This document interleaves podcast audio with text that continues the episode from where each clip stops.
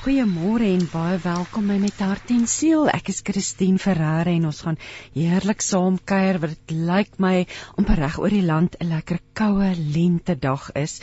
Nou vir oggend gaan ek gesels met predikant Barry van der Merwe oor Psalm 137 en wat die Psalm ehm um, ja, die betekenis van hierdie Psalm vir ons inhou in hierdie tyd.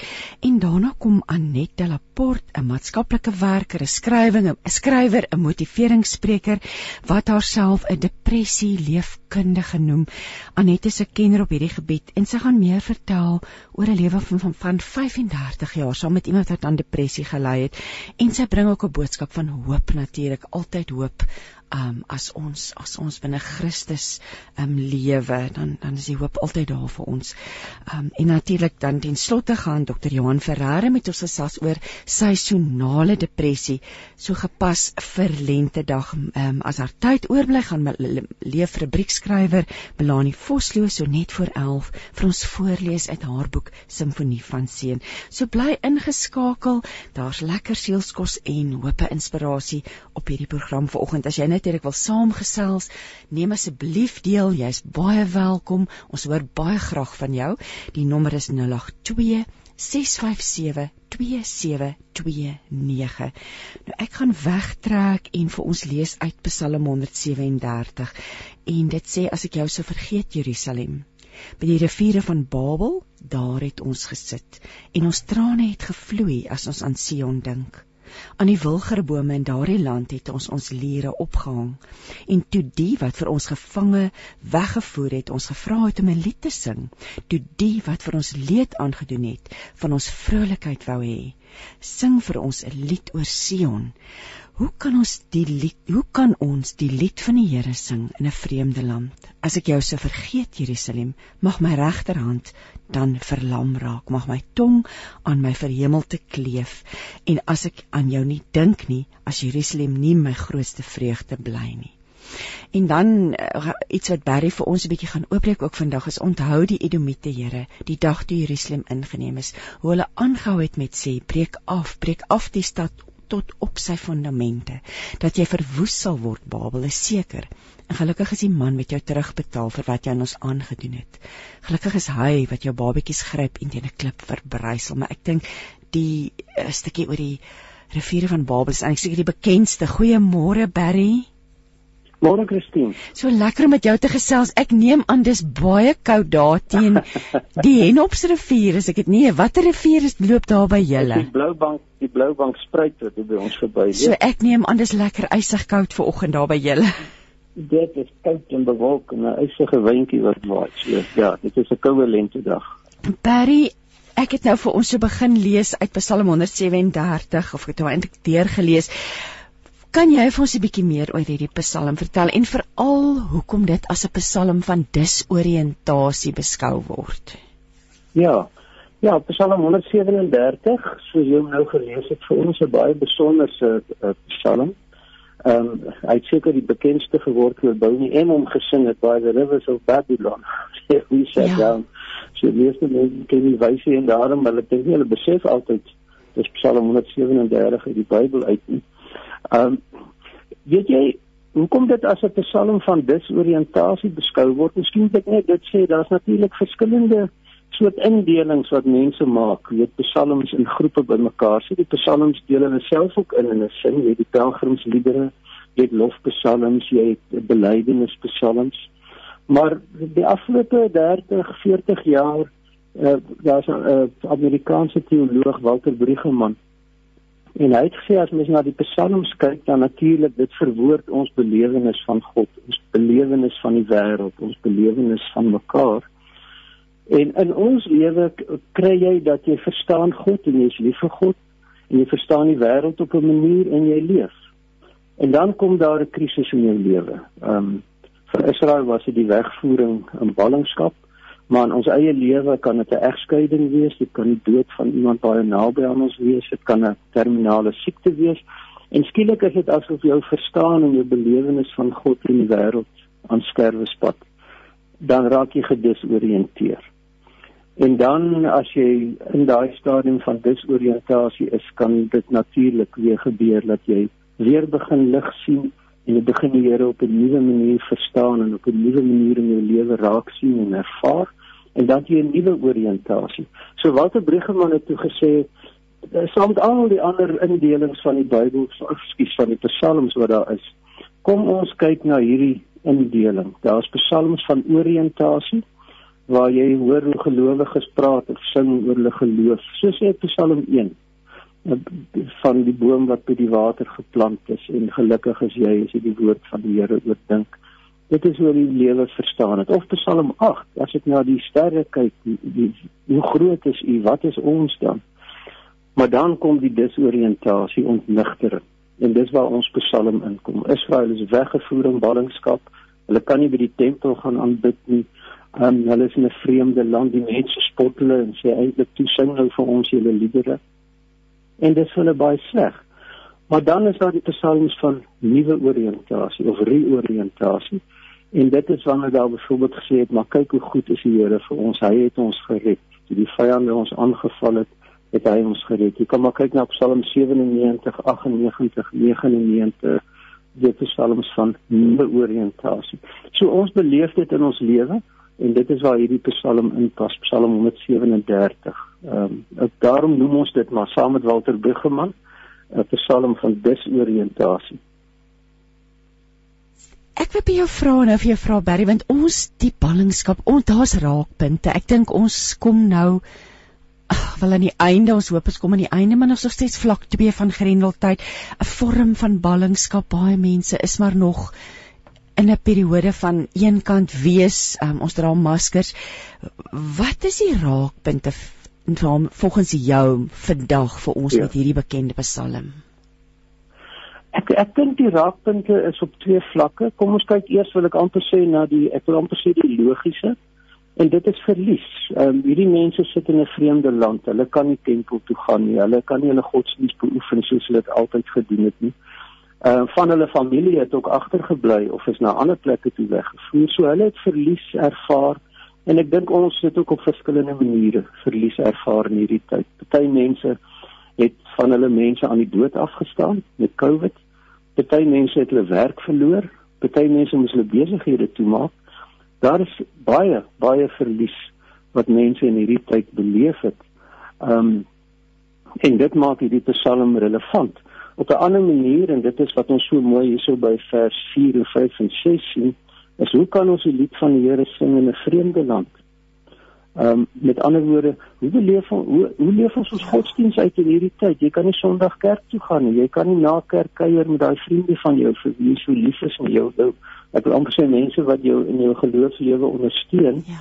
Ehm um, nou is alles aanlyn. So so ek wil amper sê op op 'n op 'n uh, maklike vlak kan 'n mens daai dinge identifiseer, maar ek dink op 'n dieper vlak sou ek sê dat hierdie Psalm wys vir ons jy kan jou hart oopmaak voor God. Ja. Met ander woorde, jy kan met jou treur, jy kan met jou vra, jy kan met jou selfs met jou wraakgedagtes kan jy oopmaak voor die Here en sê Here, hoekom? Hoekom? Ek het so seer of hoe gaan ek weer my besigheid aan die gang kry? Jy kan al daai rou emosies van jou kan jy na God toe bring want dit is wat die Psalm doen. So op 'n dieper vlak wil ek amper sê is dit ook 'n raakvlak. Kom ons praat 'n bietjie eh, ek weet nie van nog verse is wat jy wil uitlig wat dalk spesiale betekenis het nie. Um of wil, wil jy sommer dadelik inspring daai laaste verse mens lees dit amper jy wil dit amper nie lees nie maar dit staan tog ja. daar. Kom ons ja. praat 'n ja. bietjie oor daai laaste paar verse. Ek ek ek gaan nou praat dat ek net vinnig terug gaan na vers 4 tot 6. Ag nee wat asseblief kom ons kom ons ja. ons vat ons het nog tyd. So kom ons gaan terug so. Ja, ek, ek ja. wil maar net sê want want die luisteraars wonder dalk weet as jy nou sê as ek jou so vergeet Jerusalem mag my regterhand dan verlam raak. Jy weet wat op aarde bedoel hy. Ja. Maar onthou hy sê ons het ons sieters opgehang en jy's die meeste mense het die sieter met die regterhand gespeel. En hy sê mag my tong aan my verhemelte vaskleef as ek nie aan jou dink nie. Dit is 'n baie hartroerende manier om te sê hoe lief hulle vir God het en en hoeveel dit vir hulle beteken het om in die tempel in Jerusalem te gaan aanbid het. So as hulle dit sou vergeet, dan sê hy dan moet my hand maar lam word dat ek nie meer kan siete speel nie en my tong en my verhemel te teef dat ek nie meer kan sing. So dit is hierdie hierdie verlange, hierdie regtige liefde wat hulle vir God het wat ons in hierdie Psalm hoor. Maar dan daai laaste vers, net daai skokkende vers. Gelukkig is hy wat jou babatjies gryp en teen 'n klip verbrys. Ja. Mens wil dit amper nie lees nie, né? En en dit is ook goed dat ons so terugduins van daai vers af want in die Nuwe Testament ehm um, het die Here Jesus tog vir ons kom leer ons moet ons vyande lief hê. Ja. Ehm um, wat help dit jy groet net die wat jou groet maak jy maak jy heidene nie ook maar so nie. So ons as Christene word eintlik geroep om ons vyande lief te hê. So hoe op aarde wat maak ons met hierdie vers? Maar dit dis juist daarin wat hier iets wonderliks lê dat die psalms wys vir ons jy kan jou hart die die diepste kamers, die donkerste kamers van jou hart kan jy voor God oopmaak. Want ehm um, moenie dink dat in die Ou Testament ook gestaan in jou vyand lief hê. Dit staan daar. Maar hierdie psalm wys vir ons mens kan jou hart voor God oopmaak en hierdie diep wraakgedagtes wat van die mense gekoester het oor wat met hulle gebeur het en wat daai mense aan God se tempel en aan God se mense gedoen het word in hierdie vers verwoord. En die bedoeling is nie dat ons nou ook so moet dink en dat ons nou moet aksie gee aan wat in hierdie vers staan nie. Dit is glad nie dis nie die bedoeling nie. Maar die wonderlike hiervan is ons sien ons kan regtig ons harte voor God oopmaak. Ons dink mos baie keer nee, goed, hierdie goed wat ek nou dink kan ek nie vir die Here sê nie. Die Psalms wys vir ons sê dit vir die Here en dit gaan vir jou help om vrede te kry. Ehm um, maak jou hart oop, bring alles na die Here. Dit herinner ons eintlik aan Paulus in Filippense 4 wat sê uh, as hy uh, Paulus het nie tronk as hy Filippense 4 skryf en hy sê maak in alles julle begeertes, né? In alles julle begeertes met danksegging aan God bekend. Ehm um, hy sê nou nie gryp babetjies en slaarlik en klippe nie, maar hy sê maak jou begeertes voor God ja. bekend, maak jou hart voor God bekend en die vrede van God wat alle verstand te bowe gaan sal na jou toe kom. So ja, dis 'n verskriklike vers, maar daar sit iets kosbaars in dat ons weet ons kan ons harte, ons frustrasies kan ons na God toe bring. Hier's nou 'n drieskreer van Palleborwa wat vra watter Psalm behandel die dominee. Dit is Psalm 137 wat ons oorgesels Dries en ehm um, ja, Barry Dominee Barry van 'n merwe gesels met ons oor wat is die betekenis daarvan in, in hierdie tyd, hierdie tyd van ballingskap wat ons onsself bevind en ja, dat, dat jy reg gesê het dis nie altyd maklik om 'n lied te sing in hierdie tyd nie. Daar was groot verliese vir baie mense gewees. So ek wil ook nou vir jou 'n uh, uh, volgende vraag vra Barry. Hoe behoort ons lied te klink as ons weer dit kan regkry om om 'n lied te sing? Hoe behoort ons as gelowiges se lied as dit ware vandag te klink? Goed, as jy vir my so vra, dink ek wil ek eers twee dinge sê en dit is 'n lied hoef nie noodwendig 'n vrolike, opgewekte lofprysingslied te wees nie. 'n Lied kan ook 'n treurlied wees. Dit kan ook 'n klaaglied wees. Dit wys Psalms ons, ja. net dat jy jy kan jou hartseer na God toe bring. Ons is baie geneig deesdae in die kerk om weg te skram van sulke hartseer liedere. Ons ek altyd net vrolike en opgewekte liedere sing, maar dit is bietjie werklikheid vreemd want die lewe het 'n groot stuk pyn ook in en dit kan 'n mens ook oorsing. Maar natuurlik, weet hoe hoe sing ons in hierdie tyd? En ek dink die een ding wat ons moet sê is ons moet die lig wat die Nuwe Testament vir ons gee ook hierso laat skyn. En dit is byvoorbeeld Romeine 8 waar Paulus sê niks kan ons skei van die liefde van God wat aan Christus Jesus is. Nie dood nie, nie magte nie, nie engele nie, niks kan ons skei van die liefde van God nie. En ek dink ons moet daaraan vashou op 'n manier wat ons lied in hierdie tyd dit kan verwoord om te sê Here, ons kry swaar, uh, ons het krisisse, maar ons weet U is by ons. Ons hou aan U vas. Dit is die een ding wat ek sou wou sê. Die ander ding is dat ons is nog altyd in 'n situasie waar ons mekaar kan lief hê en kan omgee en vir God kan lief hê en kan omgee. En dit is wonderlik hoe die kerke en Christene in hierdie tyd uitgeruik het na mekaar en na gemeenskappe toe. Jy weet met kos en met klere en met sorg, met ja. omgee. En dit dit is dit is 'n baie kragtige lied wat 'n mens dan in so 'n tyd kan sing. Ehm um, op 'n ander manier was dit wonderlik om te sien hoe kerke ehm um, kreatief geraak het nee, om hulle eredienste aanlyn aan te bied en selfs om selgroepe aanlyn te laat werk dis alles maniere hoe ons as Christene ons lied in hierdie tyd um, sing en kan laat sing. Barry, kom ons praat 'n bietjie rondom stil word voor die Here want ehm um, mens sien ook half die die prentjie in jou geestes oog van hierdie mense wat eenkant sit, hartseer is, ehm um, die belangrikheid van stil word en wat alles gebeur as ons stil word voor die Here. Ja, ja, weet jy wat, wat interessant is is die ouens wat net 'n bietjie oor die geskiedenis skryf en dan ook oor hierdie Psalm. Uh, hulle vermoed dat wat gebeur het is op 'n Sabbat het die van die Jode nou maar daar na die riviere of spruite toe gegaan en daar het hulle gaan sit. Um om op 'n manier dan by die Here te wees. So wat vir my mooi is daarin is is daar waar hulle gaan sit by die spruit, het hulle bewus geword van hulle verlange, van hulle hartseer, van hulle liefde vir God. En dit is belangrik in ons eie lewe. Ek is so lief vir 'n skrywer wat eers geskryf het, um silence alone makes listening possible. Sure. Silence alone makes listening possible. En dit gaan na twee kante toe. Die een is as ons as ons regtig tot stilstand kan kom en kan stil word buite om ons, maar veral binne in ons, dan kan ons begin luister na wat gaan diep binnekant in ons aan weet en dan raak ons dalk bewus van ons groot pyn, ons groot verlies. Uh, dan probeer mense dit nie ignoreer en maak asof dit nie in jou lewe is. Jy raak bewus daarvan en jy kan dit op 'n sy lig gee en jy kan dit na die Here toe bring. So silence alone makes listening possible in die sin dat jy kan hoor wat diep binne in jou aangaan.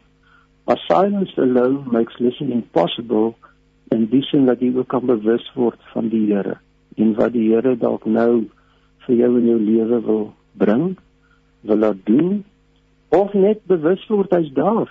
Um, en hy is by jou en hy dra jou in hierdie tyd. So ek ek ek hou van die vraag wat jy vra. Ek dink ons vergeet hoe belangrik dit is om te kan stil word. Uh, ons lees op 'n hele paar plekke in die Nuwe Testament hoe die Here Jesus alleen weggegaan het om daar eenkant te gaan wees, om daar te gaan bid. Maar dit is in die stilte, nee, om om te onttrek om stil te word en om dan te kan hoor, jouself te kan hoor diep binnekant, maar ook die Here. Hm. Ek het ook al gehoor dat jy sê ook om stil aan die een kant te word is om soos by 'n poel water te sit eh, wat wat helder word. Wil jy net vir ons 'n bietjie daardie mooi analogie ook deel nie asseblief? Ja, in die, in die vroeë kerk was daar Christene wat gesê het stilte is soos 'n poeltjie water langs die pad. As daai water lank genoeg stil was, dan raak dit helder en dan gebeur daar twee dinge. Die een is die bodem raak sigbaar en die ander een is die hemel reflekteer op die water. En dit is wat stilte in 'n mens se lewe kan doen. Jy kan bewus raak van die bodem, maar ook die hemel, God self wat in jou lewe reflekteer. Nou, dis 'n pragtige beeld. Daar enige laaste gedagtes van jou kant af oor oor hierdie Psalm 137, die Psalm van disoriënt of een van die psalms van disoriëntasie. Ja. Ja, kyk 'n ander mooi Psalm van disoriëntasie is natuurlik Psalm 22 wat die Here Jesus aan die kruis aanhaal. As hy sê my God, my God, waarom het U my verlaat? Nee, dan ja. jy kry daar iets van 'n ontwrigting. Maar goed, jy vra 'n laaste gedagte. Wat vir my op hierdie stadium van hierdie Psalm wonderlik is, is dat 'n mens jou hart voor God kan oopmaak soos wat jou hart is. Jou liefde vir God, vir Sion, vers 6, maar ook jou ontnigtering en eintlik die wraak wat jy binne in jou leef, maak jy oop en jy bring dit na God toe. Want wat anders moet ons doen as Christene? Ons kan dit nie ontken nie. Ons moet dit nie onderdruk nie. Ons bring dit na die Here toe. Oh, baie pragtig. Dankie Barry, dankie vir jou um, 'n bydrae vir oggend. Ons waardeer dit ontsettend baie. Mag julle 'n geseënde koue lentedag beleef, hopelik by agter 'n vuur of voor 'n kaggeltjie. Is jy nog daar? Is Barry weg? Klink my Barry het nou verdwyn van die lig af. Hier is nou um, iemand uh, ook 'n uh, Barry wat sê dis iemand van Germiston wat sê môre julle en Jesus groete.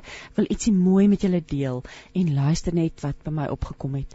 Uh, en dan in aanhalingstekens geen prys sal ooit kan bepaal hoeveel Jesus Christus aan die kruis vir ons sondes betaal het nie.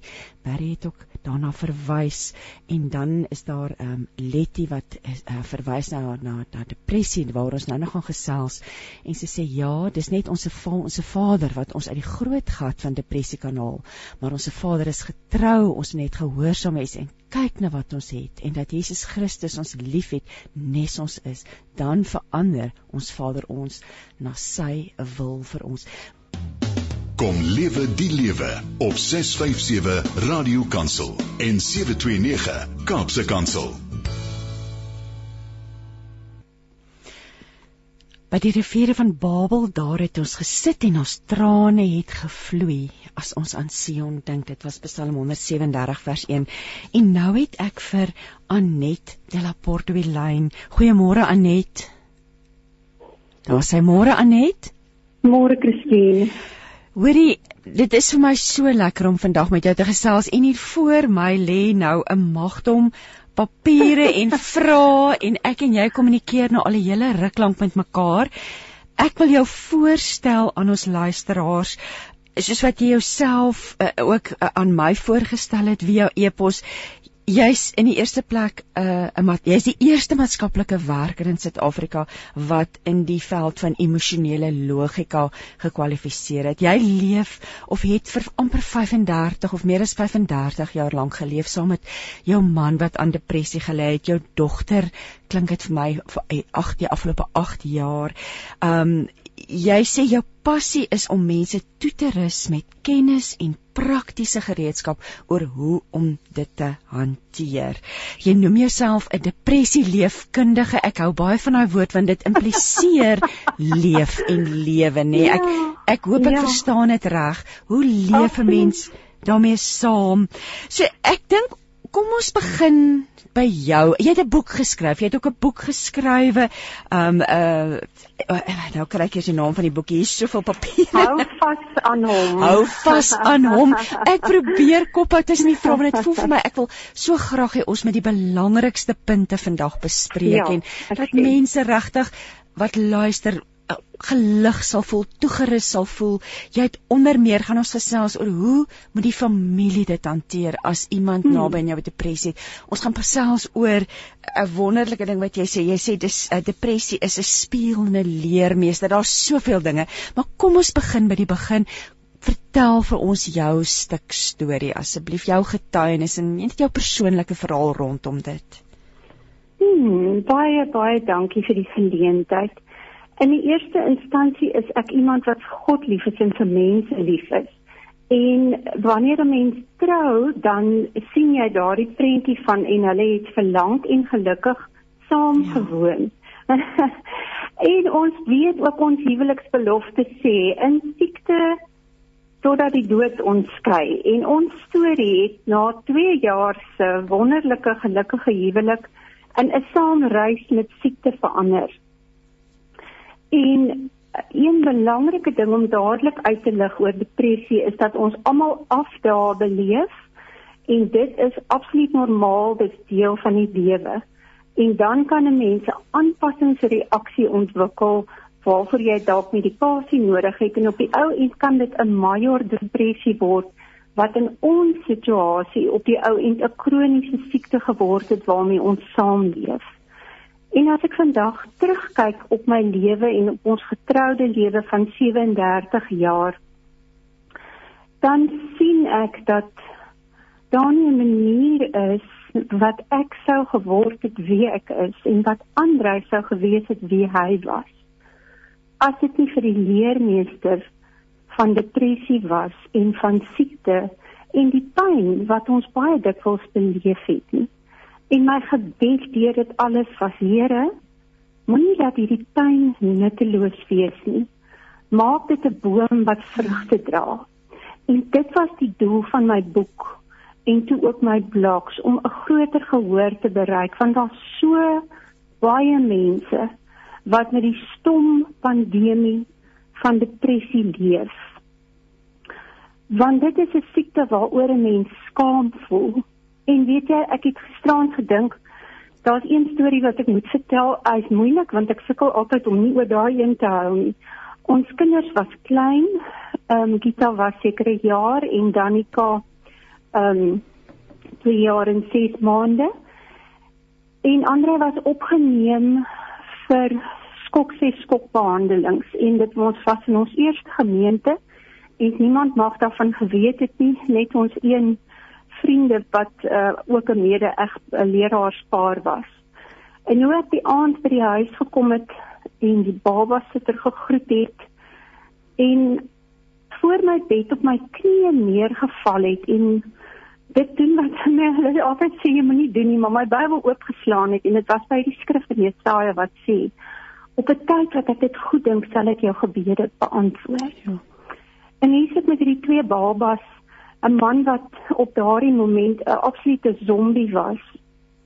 En ek sê, Here, hoe kan jy so harteloos wees om dit vir my te sê? En weet jy later jare kon ek terugkyk en sê dankie Here dat U nie toe my gebede beantwoord het nie, maar dat U hierdie siekte en pyn gebruik het om ons te vorm, dat dit 'n leerskool was sodat ons ander mense se pyn kan minder maak. En wat depressie doen is dit steel jou stem. Soos wat ons vanjaar almal agter maskers loop. En ek het baie keer beleef wat so intens moeilik is is die veroordeling in die samelewing. Hm. Want hierdie is die enigste siekte wat jou liggaam, siel en gees so affekteer en jou absoluut amper tydjie verander in iemand wat jy nie jouself kan herken en voel dat jy jouself verloor. En jy weet as iemand hospitaal toe gaan vir 'n operasie of met 'n diagnose van 'n lewensbedreigende siekte leef, dan kan jy 'n bordjie kos vat en jy kan langs die persoon gaan sit. Maar soos wat iemand vir my op 'n stadium gesê het, so, "Hoe gaan dit nou met Andre?" Ek sê soos wat dit gister en die vorige dag gegaan het. En om nie te kan praat nie, om nie te kan sê ek kry swaar nie en daarom het ons almal 'n binnekring nodig en daarom is selfsorg so ononderhandelbaar. Want daar is net soveel pyn.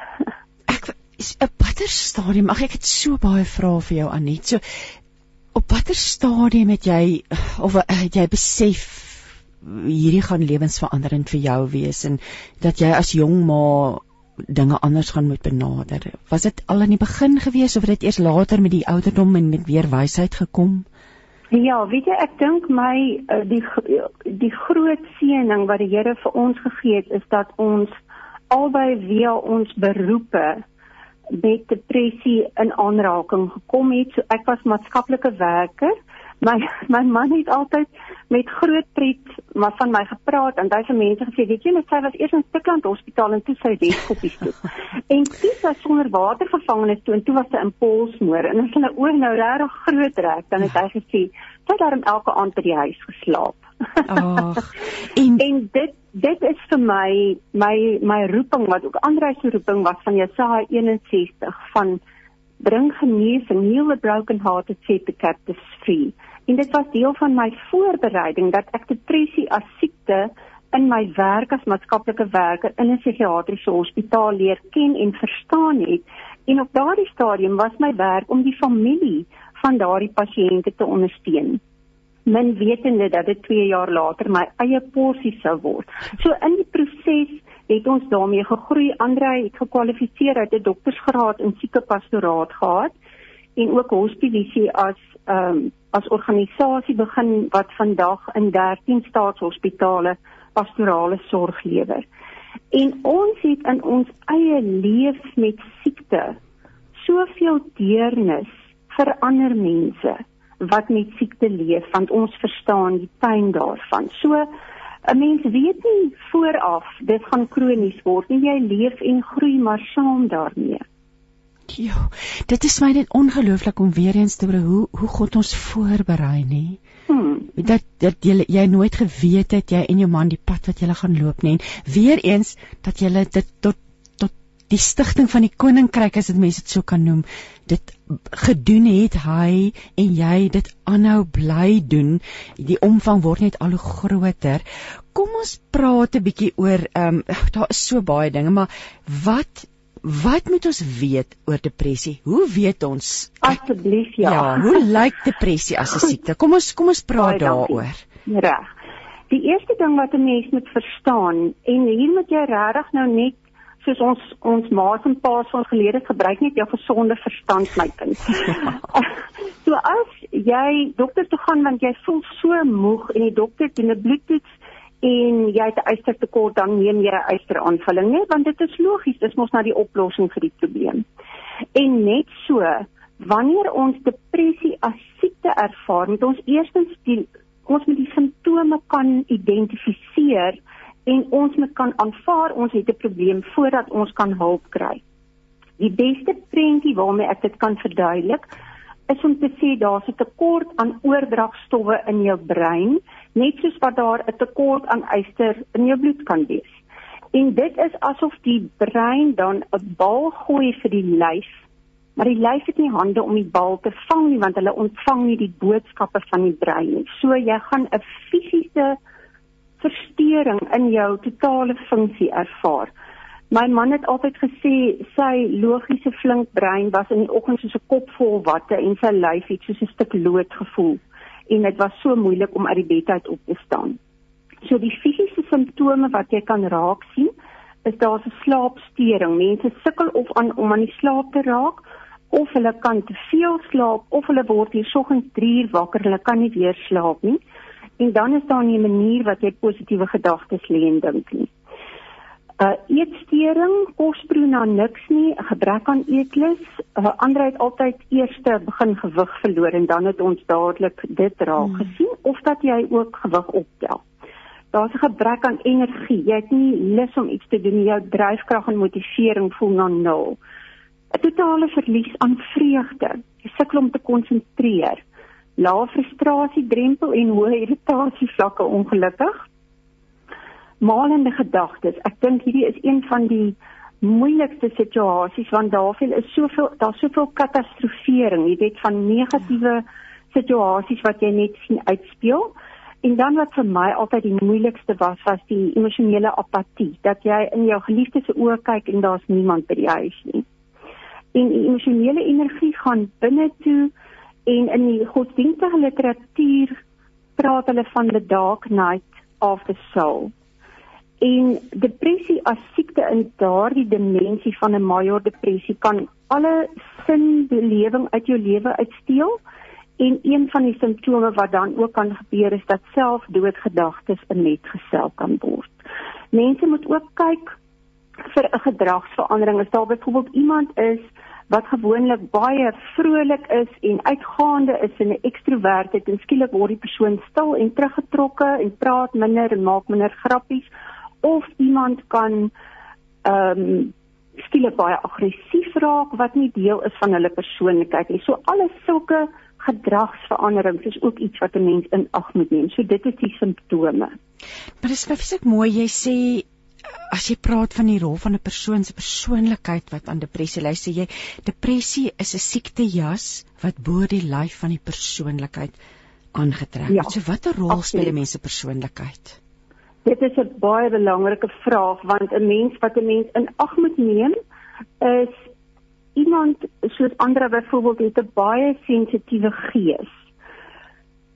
En die ander faset van persoonlikheid is ons het almal 'n geneigtheid, 'n bepaalde ja. manier waarop ons optree en dan wat 'n mens ook in ag moet neem rondom die persoonlikheid is daar's gewone, daar's gewoontes wat ons het. En in hierdie in hierdie persoonlikheid waaroor die depressie jas as siekte pas, is daar byvoorbeeld 'n geneigtheid om miskien te onttrek of na binne te kyk en 'n geneigtheid om te katastrofeer wat in elk geval voor die tyd daar was, 'n geneigtheid na angs, uh om baie bekommerd te wees oor ander oor baie dinge. My man het altyd gesê, "Ag, as jy nou die moeite doen om met Bobbejaan agter die bil te gaan haal, bring hy sommer die hele top."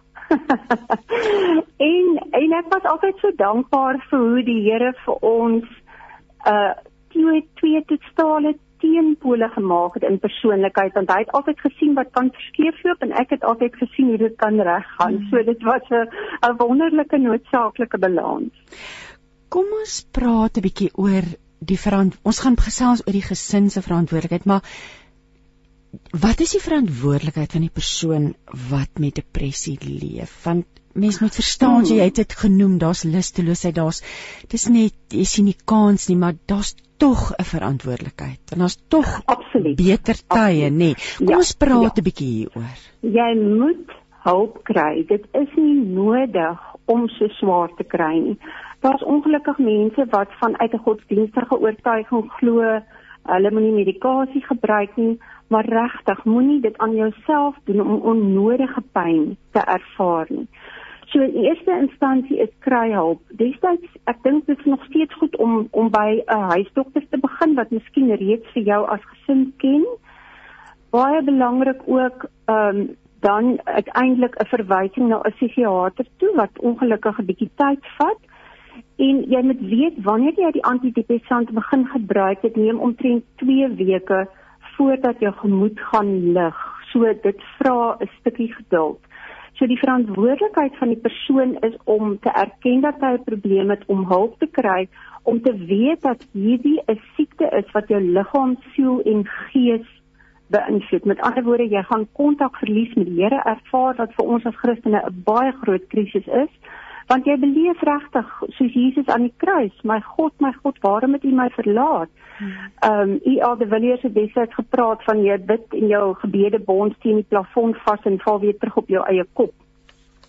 So jou verantwoordelikheid is om medikasie te kry en dit te gebruik. En dan omdat hier baie negatiewe gedagtes saam met depressie as siekte gaan en jy baie leuns oor jouself kan begin glo is dit noodsaaklik dat jy met 'n terapeut 'n pad stap. Dit kan 'n pastorale beraader of 'n sielkundige of 'n maatskaplike werker wees. En dan moet jy absoluut gaan kyk na jou gewoontes en jou gebruike. So Andrei het 3 maal 'n week religiously vir 90 minute gaan oefen en hy het altyd gesê dit is die enigste tye van van die week wat hy 'n bietjie lig gesien het. So hy het doelbewus daardie endorfines gaan vervaardig en dit was deel van sy krisis in grendeltyd om nie te kon gaan gym nie. Ehm um, en en 'n terapeut het 'n belangrike ding gesê dit was vir hom dan skielik asof hy eintlik net op die helfte van sy medikasie was. Baie noodsaaklik ehm um, is selfsorg om nie te oorwerk nie. Daar was 'n seisoen wat Andre 'n projek gehad het van USA wat hy 15 ure 'n dag gewerk het en dan op 'n stadium jou liggaam Ek is jammer, maar jy kan my nie so misbruik nie en dan sit jy behalwe depressie ook met die situasie van uitbranding. 'n Ander absolute noodsaaklike ding is jy moet 'n stokperd hê. Jy moet 'n vorm van ontspanning hê. So my man het 'n teleskoop gehad waarmee hy sterre gekyk het en uit ehm um, wanneer dit goed gegaan het, het hy klassieke gitaar gespeel. Wanneer dit baie sleg gegaan het, het hy nie die energie daarvoor gehad nie. Ons dogter 'n ry perd, dit is vir haar absoluut terapeutiese waarde of sy swem. Um, en dan het ons absoluut geglo aan die waarde van humor en genadiglik kon ander vir homself lag en uh, en die Here het ook net vir my die manier gegee om grappies te maak en iets te vind wat positief is. So het my sy funny girl genoem. oh. Kom ons praat oor die medikasie want jy sê iets vir my baie mooi. Jy sê seën jou met die medikasie, moet dit nie drink ja. met weerstand of dit verwens nie. Dis so 'n ja. ander manier om daarna te kyk. Absoluut, absoluut.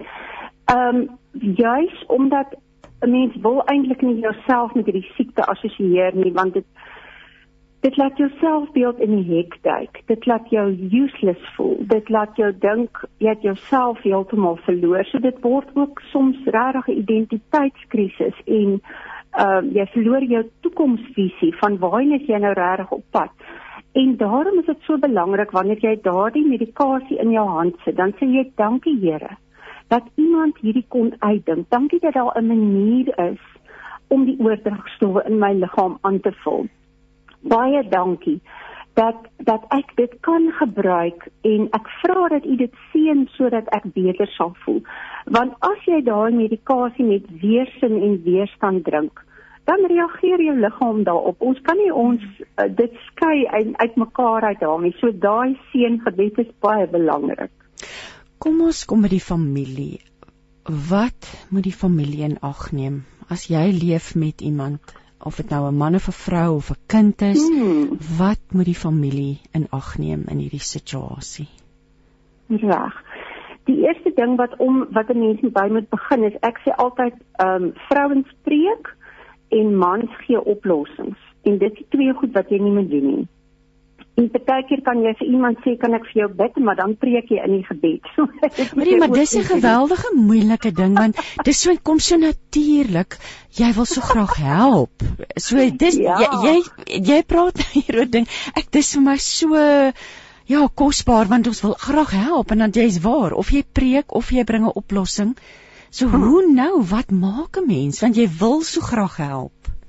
Ja. So die heel eerste belangrike ding is baie keer om sommer net sonder woorde langs die persoon te sit. En te sê hier is ek. Ek gaan nie by jou bly. Al praat ons nie, al het jy nie nou woorde nie. En as jy wil praat, hier is ek, ek sal luister. En vra te vra ons uh leer vir mense om oop vrae te vra. So ek het ek het 'n broertjie dode anders mense vir my vra, "Gaan dit goed?" Dan wat moet ek nou daarop sê? Ek kan net ja of nee sê en dan het ek baie keer juist die gas om te sê, "Nee, dit gaan nie goed nie." so jy moet 'n vraag vra waarop die persoon self kan antwoord. Hoe gaan dit met jou? Wat is vandag vir jou moeilik? Wat wil jy my vertel? Wat het jy nodig? Is daar iets wat ek vir jou kan doen? Dit is die regte, gesonde, ondersteunende vraag. En wat jy nooit moet sê nie, is man, druk net jouself reg. Jy weet as iemand nou gegaan het en hy sy been gebreek, gaan jy sê moenie gips kry nie. Druk maar net op die been, hy sal van self af aangroei. Ons doen dit nie. Maar ons maak hierdie onderskeid tussen 'n siekte bokant die nek en 'n siekte onderkant die nek. As jy 'n lyfsiekte het, dan is jy aanvaarbaar en dan kan ons praat daaroor, maar moet tog net nie 'n kopsiekte hê nie. En ons moet daardie stigma breek.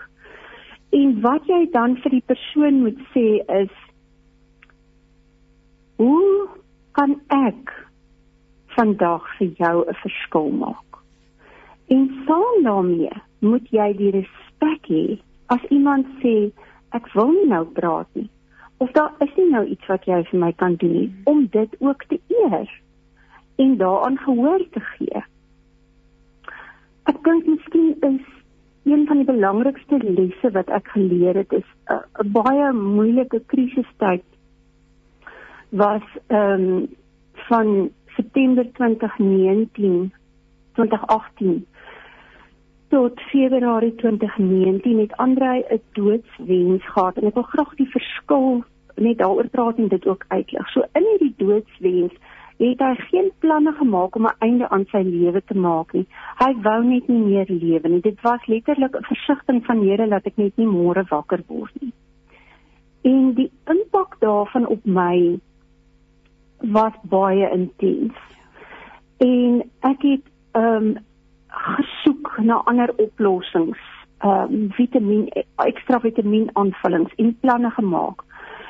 En niks het gewerk nie en hy het elke week 'n kilogram gewig verloor. Hy het 83 geweg en hy was op 'n stadium 57. Hmm. En ek het letterlik gesien hoe hy voor my oë verdwyn. En toe een oggend sit ek by my rekenaar en werk en hy het laat geslaap en skielik betrap ek myself dat ek dink nee, ek moet gaan kyk of hy wakker is nie, maar ek moet gaan kyk of hy nog leef.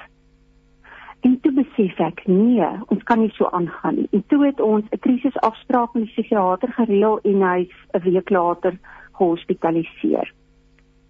So in jou teenwoordig wees by jou familielid moet jy ook weet wanneer om 'n streep te trek en te sê maar ons kan nie so aangaan nie ons het nou ander hulp nodig wat ons op die oomblik doen werk nie en en weet jy ek het 'n ek het 'n blog geskryf wat gaan dit oor inbreuk by iemand anders se huis en ek het gesê as Christene sal ons nooit oorweeg om dit te doen nie hmm. maar emosioneel bevind jy jouself so dikwels op iemand anders se erf. En ek moes leer dat ek nie namens Andrei lewe kon kies nie. Ek kon hom nie stop om dood te kies nie. Ek kan hom bemoedig, Ek kan vir hom help met perspektief. Perspektief is 'n verskriklike belangrike ding. So dit is belangrik om te vra hierdie gedagte wat jy nou vir my van vertel, is dit 'n gedagte wat jou help of is dit 'n gedagte wat jou poetjie? Is dit 'n gedagte wat miskien 'n leuen kan wees wat geïntensifiseer word deur hierdie siekte en sy simptome? En om op 'n plek te kom om te weet ek kan jou ondersteun. Ek kan nie namens jou lewe nie. Kom ons praat oor kommunikasie en ek wil ons gaan net nou gesels oor selfdood. Dit is belangrik want hmm. vir baie mense eindig dit daar wat aan depressie ly. Maar kommunikasie, jy sê byvoorbeeld, jy het 'n goue reël ontwikkel, jy het nooit soggens vroeg of saans laat intense gesprekke gevoer of moeilike besluite geneem nie. So dis dis iets baie is baie prakties, maar hoe ja. benader 'n mens kommunikasie want daar's tog goed wat hmm. oor moet gepraat word en dan is die pers ander persoon in 'n in 'n regtig in 'n slegte plek van depressie. Hoe het julle hmm. wat wat se raad het ja. jy vir mense wat daarmee ja. gekonfronteer is? Nee, absoluut en ek dink dit is juist ook die doel van my boek is om regtig die praktiese leefervaring en die maniere wat ons gevind het om goed te laat werk uh om dit met mense te deel. So eerstens daardie goue reël deel van die simptome van depressie is die woorde of simptome wat hulle noem diurnale swaai. Wat beteken uh na 10 in die aand duik jou as jou gemoed geneig om te duik, is nie vir almal dieselfde nie hmm. en dan ook so teen 10 uur die volgende oggend begin jy weer lig sien. So dit was ons twee se goue reël om veral nie in daardie tyd byvoorbeeld iets soos finansies was altyd vir ander 'n groot stresor. Ehm um, so ons het nie dan oor so iets gepraat nie. Dit was vir my baie moeilik. Ek is 'n baie spontane en 'n vroulike mens en ek moes leer om goed neer te skryf wat ek nie op daai oomblik vir hom kon nie en ek moes die vrugte van die gees ontwikkel waarvan selfbeheersing deel is om te sê maar dit is okay, ek kan môre met hom daaroor praat. Ek gaan nie iets oorkom in die proses nie en ook daardie geduld te leer en om volgens die kapasiteit van jou maat te beweeg. En dit is baie moeilik. Jy weet want ek is 'n resisperd. Ja. En ons ja, kom in so ja. dit was ons een goue reël. Nie nie daai tyd nie nou nou die dag toe ek dit vir manne berading sê te sê hy nie voor 10 nie, nie na 10 nie, dan gaan ek nooit met my vrou praat nie. So 'n mens met jou eie tye vind wat werk is bloot 'n ja. praktiese riglyn. Ja. En dan as jy praat oor die kommunikasie, is dit so belangrik dat 'n mens jou liefdestale moet ken en verstaan. Baie jare gelede het Andreus my eendag blomme gebring. Ek sê vir hom, "Weet jy, ek wil nie jou blomme hê nie, ek wil jou hê." So mm -hmm. my liefdestaal was persoonlike aandag en dit 'n uh, eh, fisiese aanraking en en die dilemma van depressie is dit plak jou arms met bostiek aan jou sye vas en jy's nie lus vir drukkies uitdeel nie. En ons het eenmal 'n dag 'n 1 minuut drukkie gedoen. Dit is die wonderlikste lang 60 sekondes. Andre het letterlik op sy horlosie gekyk. Ons het mekaar omhels en binne die veilige kring van mekaar se arms staan. Ja. En dit was natuurlik ook iets wat vir hom maklik was omdat hy geweet het daar dis dis net 'n minuut nê. Nee. Ja, ek ek kon dit doen. So vind iets. Dis 'n wonderlike wenk kan hanteer. Ja.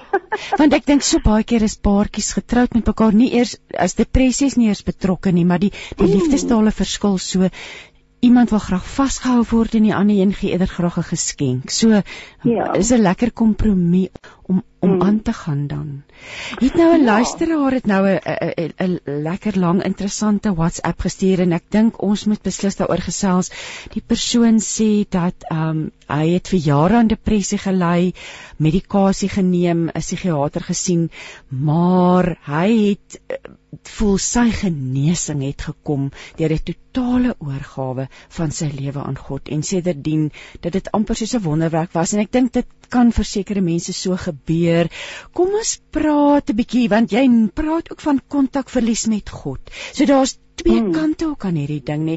Wil jy nie ja. vir ons kommentaar lewer oor oor hierdie luisteraar se ja, stelling? Ja, baie bly daaroor. Ja. ja. ja. So die eerste instansie wat 'n mens moet moet verstaan is daar is nie soos wat 'n mens in die winkel 'n paar sokkies gaan koop one size fits all nie. Dit is 'n individuele ding. Uh vir 35 jaar het ons elke dag vir genesing gebid. En genesing vir ons was 'n totale verdwyn van alle simptome, die vermoë om medikasie te los. Dit het nie vir ons so gebeur nie. So op 'n stadium omdat dit vir ons kroniese siekte was, vir ander 'n kroniese siekte was waarmee ons gereis het, het ons gesê maar hoe stel ons onsself op vir teleurstelling in God met die verwagting wat ons het? En ek bedoel, jy weet, ek was gereed vir daai getuienis wat op 'n Sondagoggend die hele kerk sou laat hande klap en sê prys die Here. Hmm. En dit het nie gebeur nie. So ek het het intens en ander ook intens by tye met teleurstelling in God geleef. Um, en daarom moet 'n mens weet wat is dit wat jy verwag? En ons verwagting het geword heling. En daar's 'n verskil tussen heling en genesing.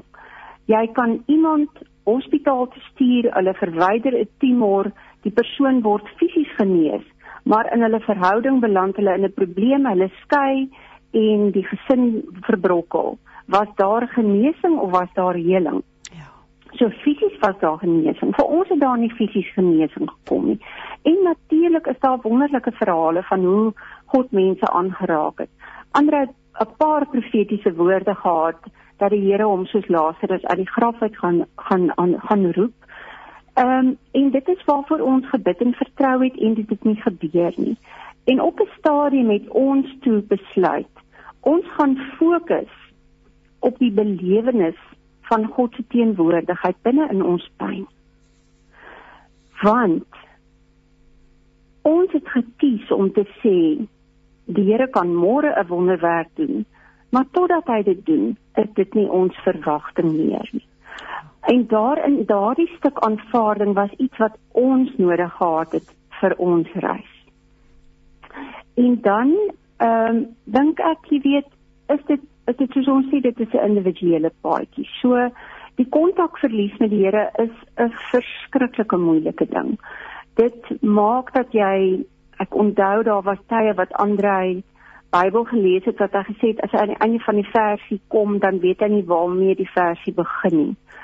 So jou konsentrasie vermoë en jou aandagspan speel ook 'n rol daarin.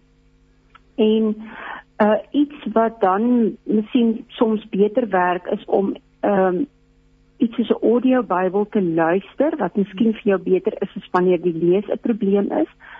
Ehm um, geestelike musiek, klassieke musiek, iets wat ehm um, weet wat wat jou geesmens bedien en vir jou geestelik voed.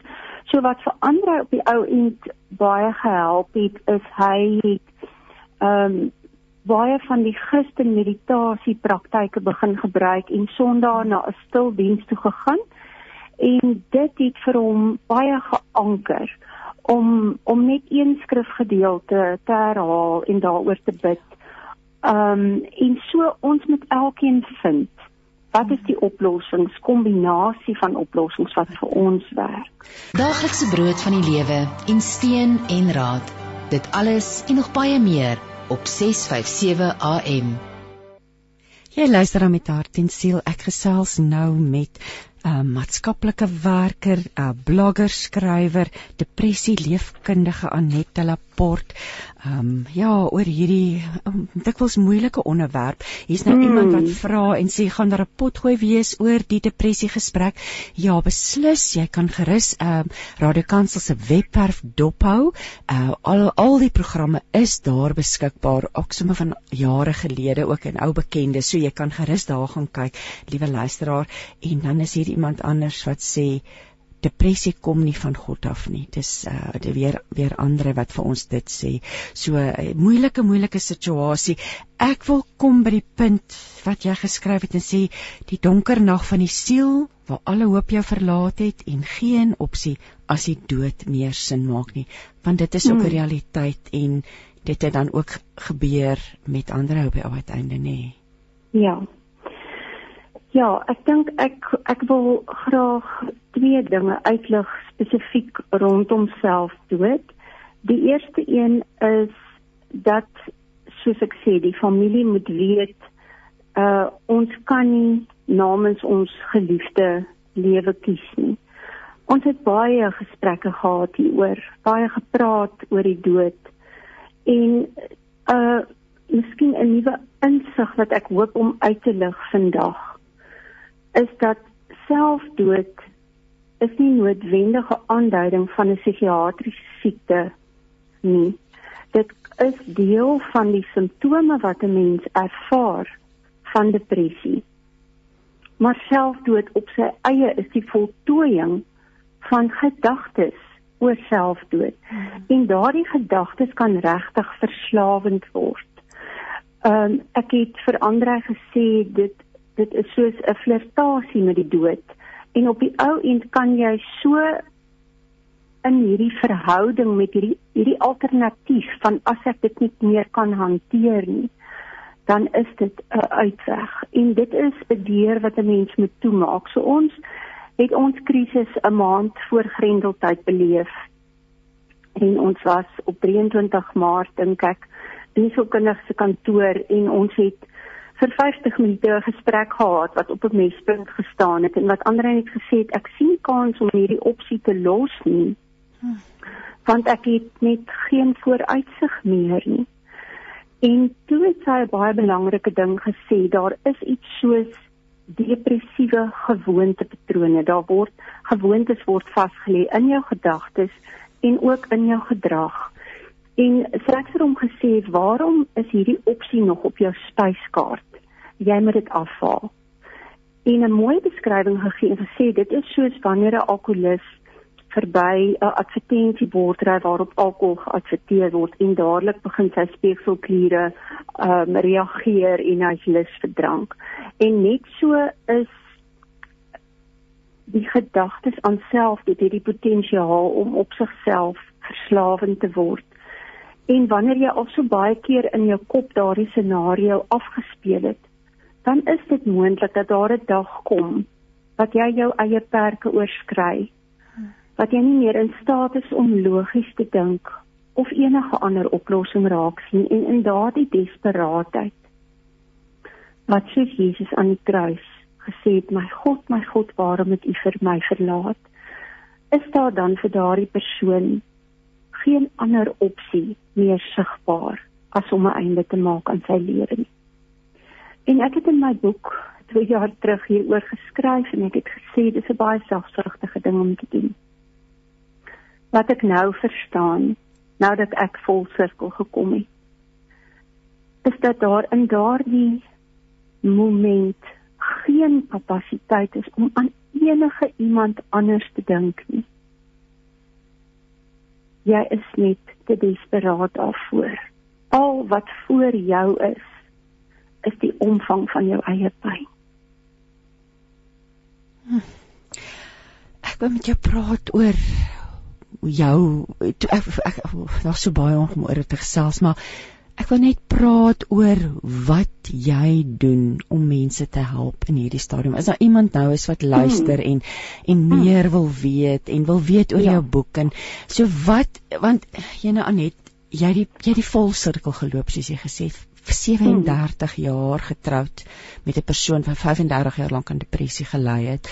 Um die pad saam met hom geloop. Jy's 'n opgeleide professionele persoon. Wat wat wat is daar vir iemand wat nou luister en sê maar ek is ek is dit is ek is ek het gesien nie die uitkoms nie. Wat kan jy vir hmm, mense help?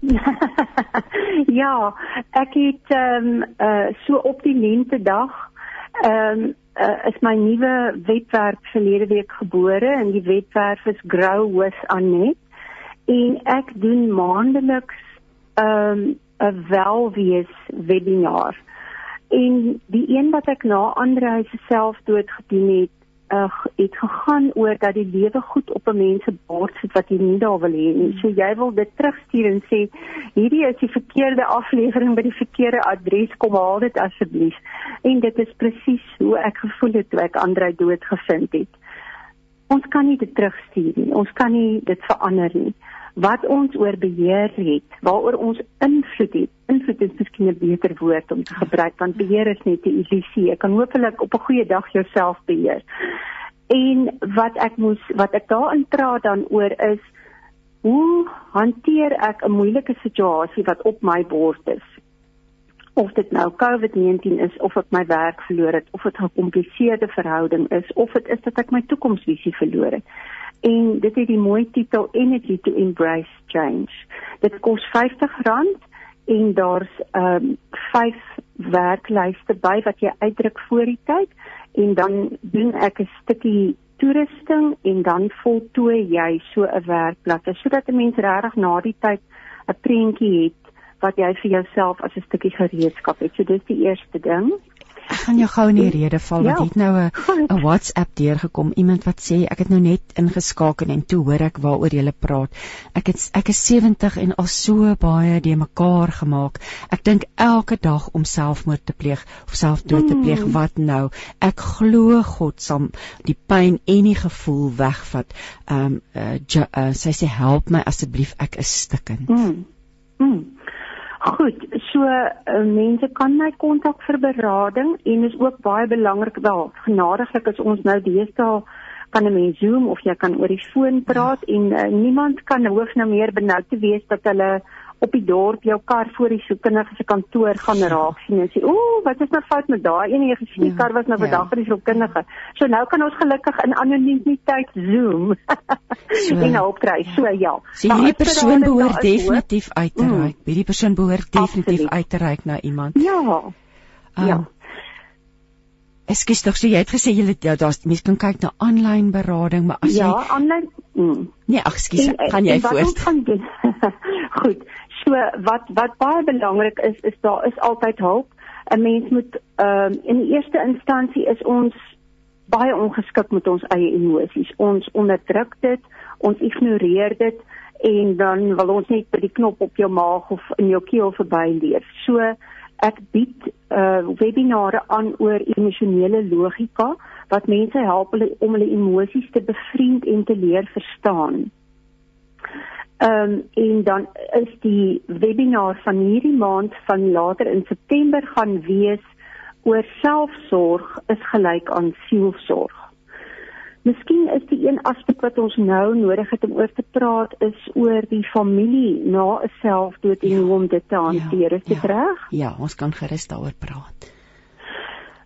Eerstens ehm um, is dit baie belangrik as 'n persoon 'n briefie gelos het wat sê ek kon nie meer nie om te weet dat dan het hulle miskien 'n uh, ongediagnoseerde depressie gehad of dit was iets wat bekend was in die familie en ons as gesin Andre het nie 'n briefie gelos nie ons as gesin het besluit ons gaan nie hierdie raaisel probeer oplos nie want ons gaan nooit by 'n antwoord uitkom nie. Vir my is dit soos 1 Korintiërs 13 se einde wat sê in hierdie wêreld kyk ons in 'n spieël soos 'n raaisel en ons sal nooit verstaan nie want ons ken ten dele en ons verstaan ten dele.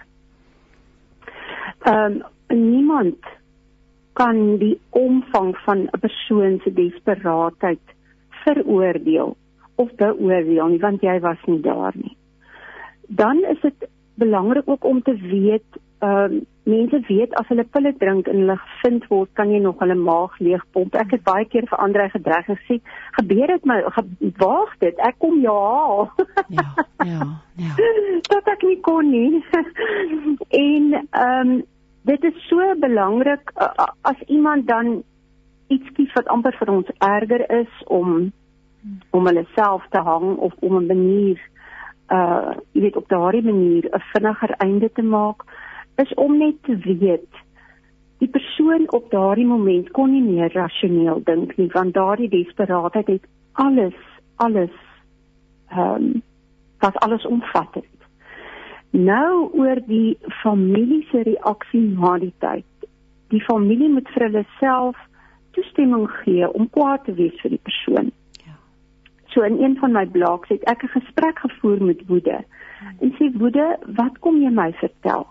En Woede het met my gepraat oor die onreg dat ons in Maart maand weer ons geen selfdoodkontrak hernie het hmm. en dat hy dit steeds verbreek het. Ja. Dit uh het my met my gepraat oor die skending van my verwaardes dat dat ek hom nie kon vertrou nie dat die einde van die storie waarvoor ek gebid en geleef en gepraat en voorberading voorgegaan het nie vir ons realiseer het nie. So die familie moet hulle self toestemming gee en dit is so belangrik om iets te doen soos om 'n brief te skryf vir die persoon, nie 'n e-pos nie, jy moet met jou hand skryf. Daar's 'n terapeutiese waarde daarin. Maar die ander groot struikelblok vir families is ehm um, skuldgevoelens. En eerstens wat ons moet verstaan is jy gaan altyd aan iets kan dink wat jy dalk nog kon doen. Maar dit is weer eens iets wat buite ons beheer is.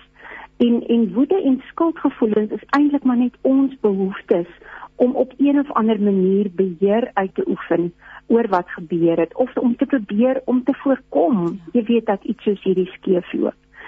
Ehm um, en so oor die skuldgevoelens moet ons verstaan wat is die nut van om skuldig te voel oor iets. Dit is om iets te leer uit 'n fout wat jy gemaak het sodat jy kan voorkom dat so iets weer gebeur. Wat ja, skus ja? skus aan net. En en nou met skuldgevoelens het dit nou gebeur. Daar daar is niks wat ek kan verander aan wat gebeur het nie, maar hierdie kan regtig dit kan iets word waarin mense totaal vasval.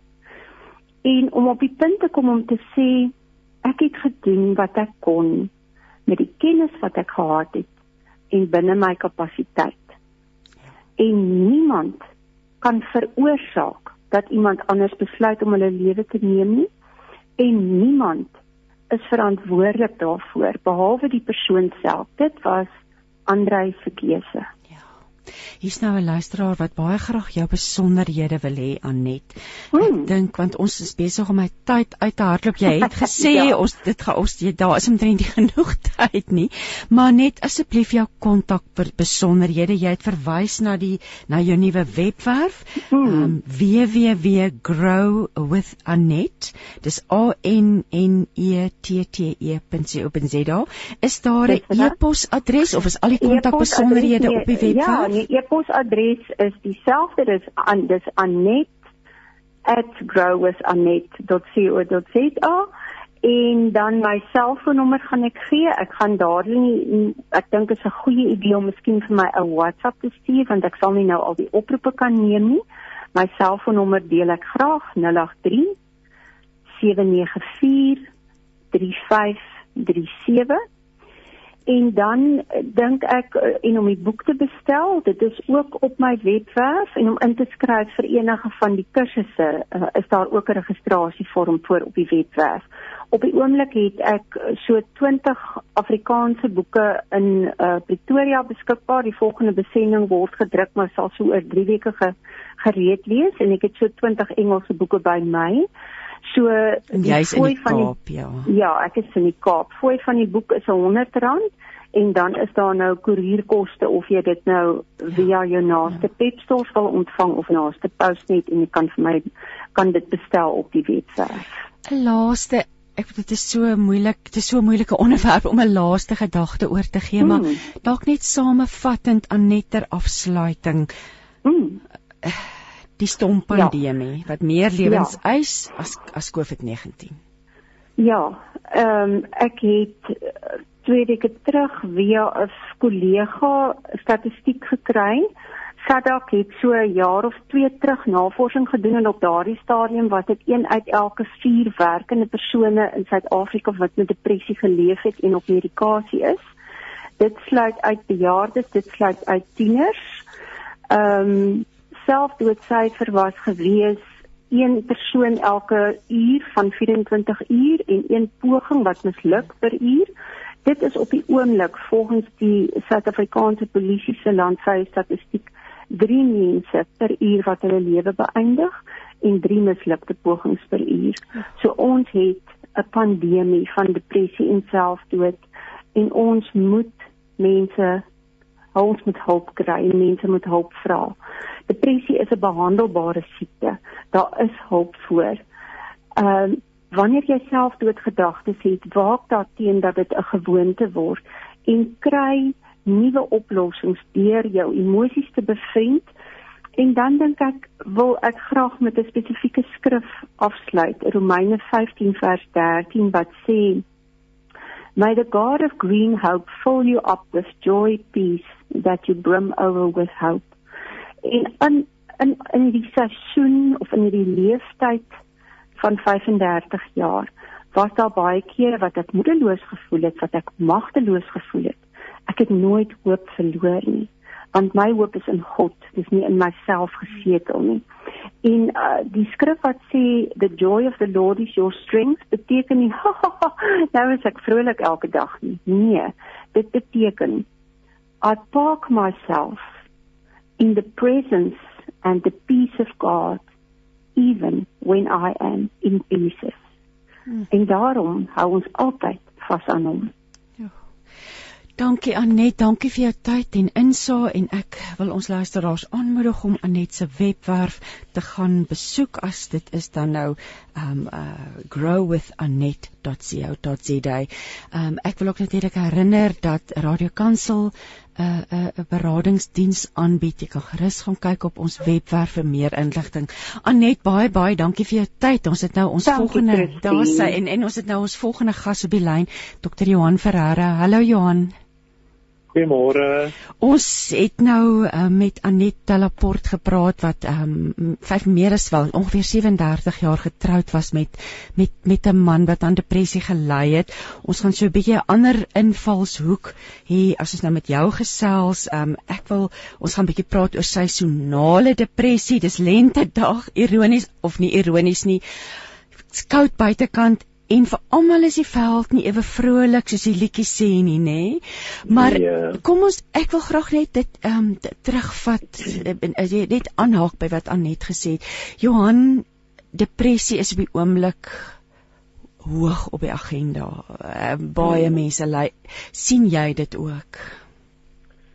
Ja, kyk ek dink ons ons moet in gedagte hou, ehm um, jy weet almal het nou al so 'n bietjie ehm um, COVID uitputting Ehm um, ons het ons het genoeg oor die onderwerp gehoor en ons het gedaan gesukkel met net ehm um, jy weet die normale aanpassing tot hierdie groot krisis. So dit sou te wagte wees dat mense se gemoed definitief ehm um, 'n toestand van van depressiwiteit sou betree het, gewone mense. So mense wat wat reeds moontlik met 'n depressie sukkel, ehm um, jy weet of 'n of 'n bipolêre geneigtheid het of 'n atipiese depressie het of 'n seisonale depressie het. Ons kan verwag dat die dat die simptome tydens hierdie tyd um, sal verdiep en erger sal wees, maar dat dit ook net gewone mense sal tref. 'n hmm. Moedeloosheid, gebrek aan vreugde, 'n um, lae energievlakke, ehm um, jy weet um, ons het almal maar ooreet in hierdie tyd. Ehm um, weet dis dis alles tekens van 'n weet van 'n van 'n depressiewe gemoed. Ehm um, so daar's definitief 'n 'n 'n verhoging in die in die teenwoordigheid van van die depressiewe simptome op die oomblik. Sê vir my hoe verskil want daar's duidelik verskillende tipe depressies, maar ek wil graag hmm. nou soos ek sê dis lente dag, hoe verskil seisonale depressie van uh, ander tipes en hoe weet 'n mens jy ly daaraan? Kyk die beste om om te probeer doen is as jy vermoed dat jy tydens sekere tye van die jaar ehm um, gemoedskommelinge beleef is ehm um, is dit is dit 'n goeie idee om te begin rekord hou van van watter tye van die jaar ehm um, jou gemoed dalk af sou raak. So mense wat spesifiek met 'n seisonale patroon leef in terme van hulle bui sal agterkom dat hulle tydens sekere seisoene ehm um, of maniese gedrag openbaar met ander woorde hulle het 'n verhoogde vlak van aktiwiteit of depressiewe simptome waar hulle 'n verlaagde vlak van aktiwiteit sou hê. Nou ons moet dit nie verwar met met normale seisonale um, gedragsveranderinge nie. In die winter doen ons uit die aard van die saak minder. Maar net soos wat diere doen. Ehm um, so dit is nie dit beteken nie noodwendig dat jy 'n dat jy 'n gemoedstoornis het nie maar indien jy betekenisvolle buiveranderinge het met ander woorde jy jy toon die kliniese simptome van depressie uh, jy verloor jou um, jy verloor jou vrolikheid um, jy's betekenisvol, um, minder betrokke by die wêreld. Jy voel negatief, jy doodsgedagtes, jy slaap min of jy slaap die hele tyd. Jy 'n kombinasie van daardie simptome tydens sekere tye van die jaar beleef, dan dink ek mens kan begin um, kyk dat jy moontlike seisonale uh, 'n patroon in terme van jou by openbaar wat dan tot betekenisvolle disfunksionaliteit lê. Lei die die persoon kan nie opstaan nie die persoon kan nie hulle werk voltooi nie um, net met 'n met 'n algemene depressiewe gemoed. So dit um dis die dis die die voorkoms van die depressiewe simptome tydens sekere tye van die jaar wat vir ons wys dat daar 'n dat daar moontlike sosiale affektiewe verstoring is wat maar net beteken dat die die persoon se emosionele belewenis uh wan aangepas raak. So Johan, hoe hou dit hoe lank hou dit aan? En en dan wil ek ook vra, kry mens dan iemand wat in die lente depressief raak en 'n ander persoon weer in die winter of in die herfs? Ooh, ja. Hoe hoe ja, hoe lank hou dit aan? Is die einde in sig amper of of begin dit spesifiek ja. sê net maar dis nou 1 September in jou in jou jy weet nou al dit kom. Hoe werk dit? Ja, vir meeste mense wat nou al met 'n bewustheid daarvan leef, sal al uitgewerk het bewustelik of onbewustelik dat daar sekere tye van die jaar is wat dit nie met hulle goed gaan nie en dan word dit 'n afwagting. So daar's daar's maar basiese 3 hooftipes ehm um, seisonale verstoring wat ons kry. Die eerste een wat die mees algemeenste is, is waar die persoon sekere maniese gedrag in die somer openbaar en dan diep depressief raak tydens die wintermaande. Ehm um, en dit is 'n herhaalde patroon in die persoon se lewe en en hulle raak meetbaar disfunksioneel in die winter emosioneel. Dan is daar 'n 'n tweede patroon wat ons sien, ehm um, waar mense jy weet 'n ontwaking, redelike maniese gedrag vroeg in die winter beleef en dan na die einde van die winter toe raak hulle diep depressief.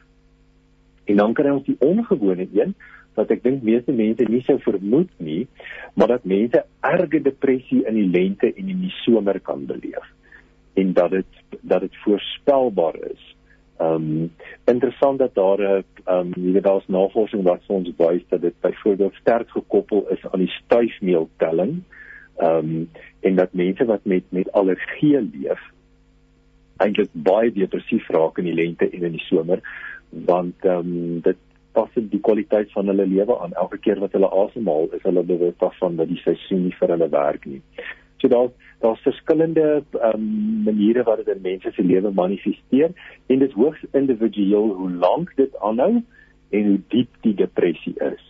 Ehm um, so dit is 'n ehm um, jy weet dit is 'n proses van van ontdekking wat mens maar met jou met jou sielkundige of jou psigiater moet moet deurloop om agter te kom of hierdie werklike ehm um, patroon in jou lewe is of nie. Ek wil nou vir jou vra hoe behandel 'n mens seisonale depressie? Hmm. Kyk, ehm um, mens moet natuurlik farmakologies daarna kyk omdat dit omdat dit depressie is.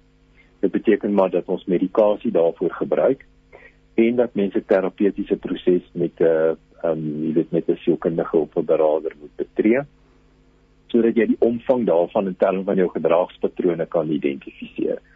Die eerste is om om te sorg dat jy dat jy realisties is oor die omvang van jou simptome indien jy indien jy vermoed dat jy dat jy aan depressie ly uit die aard van die saak baie belangrik dat jy by die regte psigiatër sal uitkom sodat jy die reg die regte medikasie kan begin gebruik. Want ons moet onthou depressie is 'n siekte. Dit is 'n dit is 'n siekte wat veroorsaak word deur die neurologiese wanfunksionering van die brein. En dit is nie 'n aansittery nie en dit is nie luiheid nie en dit is nie treurigheid nie. Ehm um, dit is 'n dit is 'n siekte wat mense het en dit is diagnoseerbaar en dit is behandelbaar. So om definitief op die regte medikasie te kom en dan en dan 'n proses te betree met iemand wat saam met jou objektief kan kyk na wat is die effek van hierdie simptome in my lewe? Watter van my gedragspatrone en watter van my denkpatrone kan ek begin om te verander sodat ek met groter insig kan leef en dat ek dan kan weet dat ek nie noodwendig um, die totale slagoffer van hierdie simptome hoef te wees nie. So wat baie baie mense doen, die die psigiaters en die sielkundiges wat weet dat iemand 'n seisonale patroon het, hulle sal byvoorbeeld aan die begin van so 'n seisoen of dit dan nou die lente is of dit die winter is, verhoog hulle um die persoon se dosis van antidepressante, net omdat hulle reeds weet dat um die simptome gaan intensifiseer en die persoon kan dan ook um antisiperend dalk 'n bietjie harder begin oefen meer bewus wees van hulle slaappatroon, um fokus op gesond eet, veral mense wat in die winter depressief raak om weet um, ons hiberneer graag mos ons ons hou op oefen en ons ons eet ekstra koolhidrate en ons pak 'n bietjie vetjies saam. Um en dit is baie keer jy weet van die van die meer negatiewe insette wat mense met seisonale verstoring um kan doen en jy kan dit eintlik jy weet intentioneel teewerk as jy weet dat dit jou gaan gaan tref. Johan, kan seisonale depressie verleng en omsit in 'n volledige depressie wat jou totaal oorneem? 'n vir lang periode of bly is dit bly dit maar seisoensgebonde?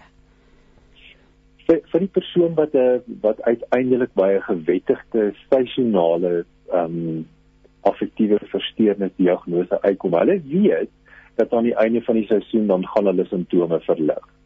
Ehm um, so ons moet onderskei tussen 'n atipiese depressie, mense wat net depressief is enige tyd van die jaar. Uh dit het nie noodwendig te doen met met sekere stres of of snellers in die jaar nie. Dit maak nie saak of dit jaar einde by die werk is en of dit eksamentyd by die universiteit is en of dit die jy weet die die begin van 'n swangerskap is nie so daar's daar sekere lewensgebeure wat mense depressief kan maak maar dan is daar ook mense wat net deur die bank aan depressie ly. So seisonale depressie word gesneller en word eintlik onderhou deur die seisoen en en ons kan baie effektief daaraan werk om in daai tyd uh die persoon te help om die simptome te verlig.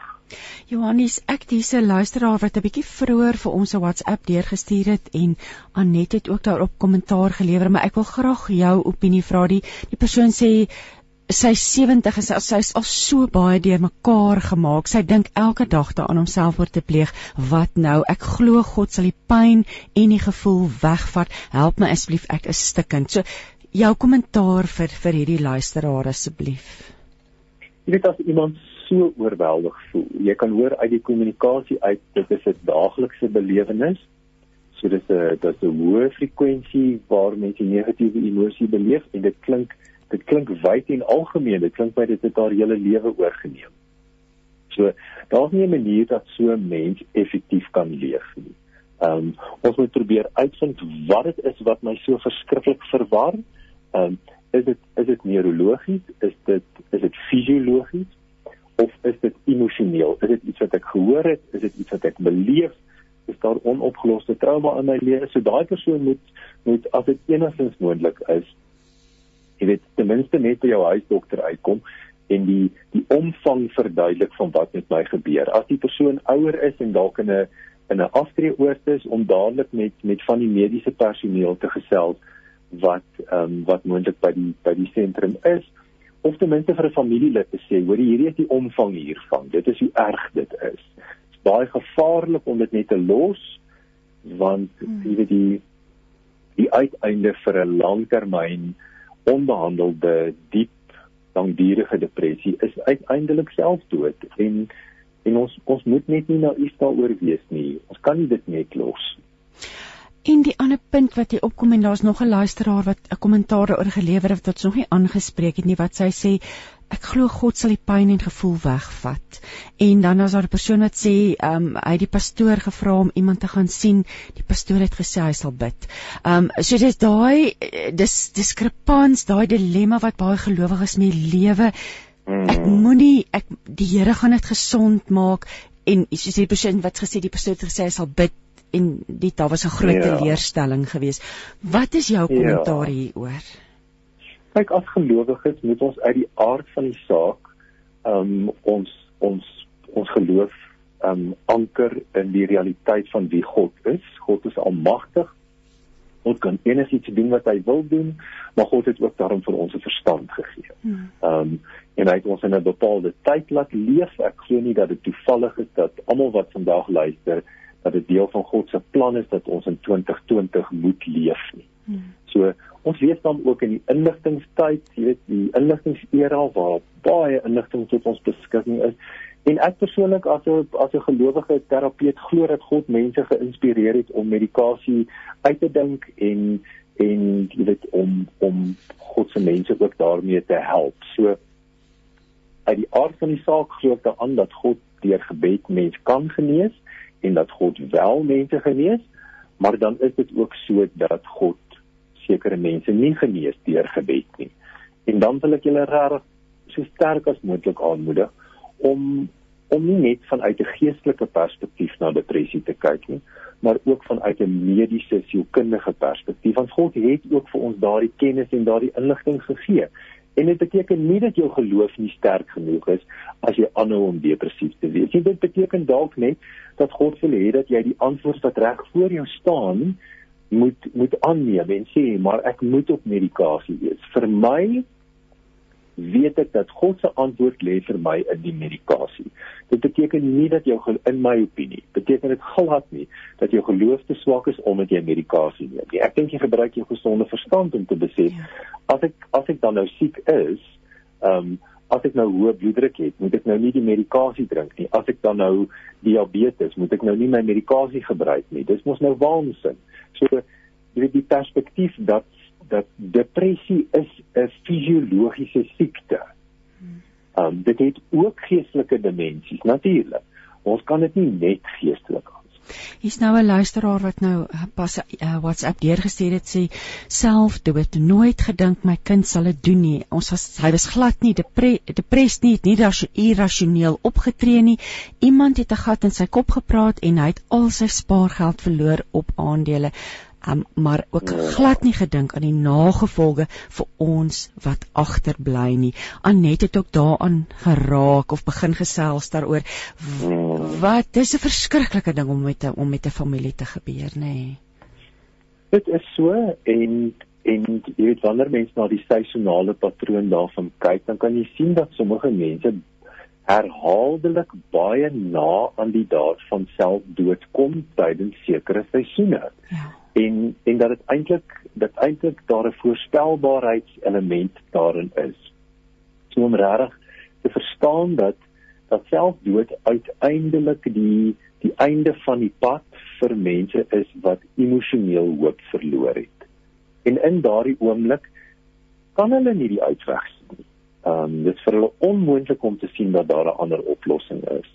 Ehm um, en dit wat ons baie keer so verwar en wat ons laat voel dat ehm um, dat ons nie verstaan hoekom so iemand die besluit geneem het nie en dit dit dit is baie moeilik. Ehm um, uiteindelik moet ons maar moet ons maar genoeg daaroor dink en dan by 'n plek van van vredemaking uitkom, vergifnis uitkom. Ons self vergewe vir dit wat ons dalk nie gedoen het nie, maar ook ook hulle vergewe vir die vir die tekortkoming wat hulle in daardie oomblik beleef het en hulle hulle totaal en alles verlies aan hoop, nê? Nee, hoop is 'n duidelik gedefinieerde toekomsvisie. En iemand wat hoop verloor, verloor hulle hoop op die toekoms en dan en dan is daar mense wat ongelukkig dan in daardie oomblik die besluit neem om hulle lewe permanent te eindig. En ek dink die logiese ding sal ook wees vir so 'n gesin of 'n familie om maar ook hulp te soek, 'n beraader te sien, 'n pastorale persoon, 'n maatskaplike werker dalk om daar om hulle te help om daardeur te werk, nê. Dit is baie funksioneel om net om net deur jou eie pyn te gaan werk, nê. Ehm um, dit anders anders sit jy nou met die onsekerheid. Jy weet nou sit jy met die onsekerheid. Ek het in die week met 'n met 'n met 'n pasiënt gewerk wat net gesê het maar Ehm um, maar maar nou is haar is haar kind nou hel toe. Ehm um, want God sê ons mag nie ons eie lewe neem nie. Ehm um, en dit het vir haar soveel waarde gehad hoe ek vir haar verduidelik het. Het Christus het ook aan die kruis gesterf vir vir mense wat hulle hulle hulle besluit neem om hulle lewe te sterf. Christus het aan die kruis gesterf vir al ons sonde, vir al ons foute. Ook vir iemand wat so fout maak. Ehm um, so dit help baie keer net om perspektief te kry by iemand wat dalk dalk nie heeltemal so betrokke by die proses nie. Maar dit is eintlik so 'n gerusstellende gedagte nê dat dat Jesus het het vir elke persoon en vir elke sonde gesterf. Hier's nou 'n luisteraar wat sê dit help hom of haar, ek weet nie of dit 'n man of 'n vrou is nie, om hardop elke dag vir ten minste 1 uur sistematies die Bybel te lees. Dit het my lewe drasties verander want hierdie persoon sê dat as 'n mens depressief is, kan jy nie konsentreer nie, so die hardop lees ja. werk. Ja, hardop lees werk en dit is ook 'n vorm van meditasie, so dit verander jou breingolf letterlik. So indien jy jouself blootstel aan positiewe inligting en jy doen dit doen dit intentioneel en jy doen dit ritualisties, dan gaan dit uiteindelik jou breingolf verander. Al verander dit net jou breingolf vir die tyd terwyl jy dit doen. Ehm um, so dit is 'n baie positiewe aktiwiteit en en ons kan regtig ons kan regtig baie daaruit leer. So selfs die persoon wat net hierdie tyd van die jaar so voel van die Bybel lees doen dit daar. Dis ook wetenskaplik dis wetenskaplik gefundeer. So hierdie persoon het nie die naam bygesit nie maar wat wat hierdie persoon doen is absoluut reg sê jy. Um, Johan laaste gedagtes. Um, ja hier wag hier is nog iemand hier is nog iemand. Weet is daar 'n persoon wat sê Ehm um, ja, ek is stikkend die persoon luister wat na jou geluister het en sê ehm um, sy het 'n dubbele mastektomie gehad, moes alleen daardeur kom. Ehm um, ehm uh, sy sê sy was dit was toe nie so erg gewees nie, maar sy is nog deur 'n klomp goed en nou gee sy in. Baie die mekaar ja. veragtig, vergeetagtig en ag so met 'n klomp goed wat verkeerd. So weer eens trauma wat ook natuurlik tot depressie kan lei, klink dit vir my. Abs absoluut en om te besef dat mense in 'n spesifieke seisoen is. Jy weet iemand wat met met 'n kankerdiagnose geleef het of iemand wat deur 'n groot chirurgie gegaan het. Um uit die die saak lank lank weet ure um, narkose gehad, so chemies is jou liggaam gedestabiliseer, emosioneel is jy gedestabiliseer. Nou lyk jou liggaam en voel jou liggaam vreemd. Jy kan nie daarmee identifiseer nie, jy's in pyn, daar's moontlik infeksie. Um jy voel net aaklig oor die lewe en niks is vir jou bekend nie natuurlik gaan jy depressief raak. Dit beteken nie noodwendig dat jy dan nou aan 'n kliniese depressie ly nie.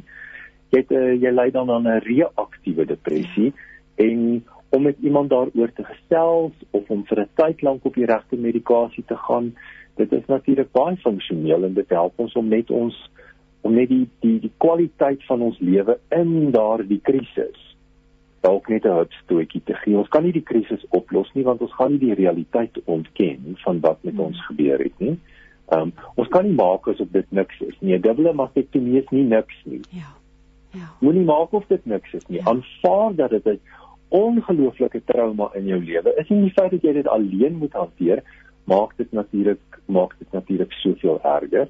Ehm um, om om te onthou dat jy weet in jou geloofslewe uitreik na wie God is, te onthou wie God is en jou krag daarin te kry ook in hierdie tyd van trauma. Johan, ehm um, as iemand jou in die hande wil kry, is daar 'n e-posadres of 'n webwerf wat jy met ons kan deel asseblief?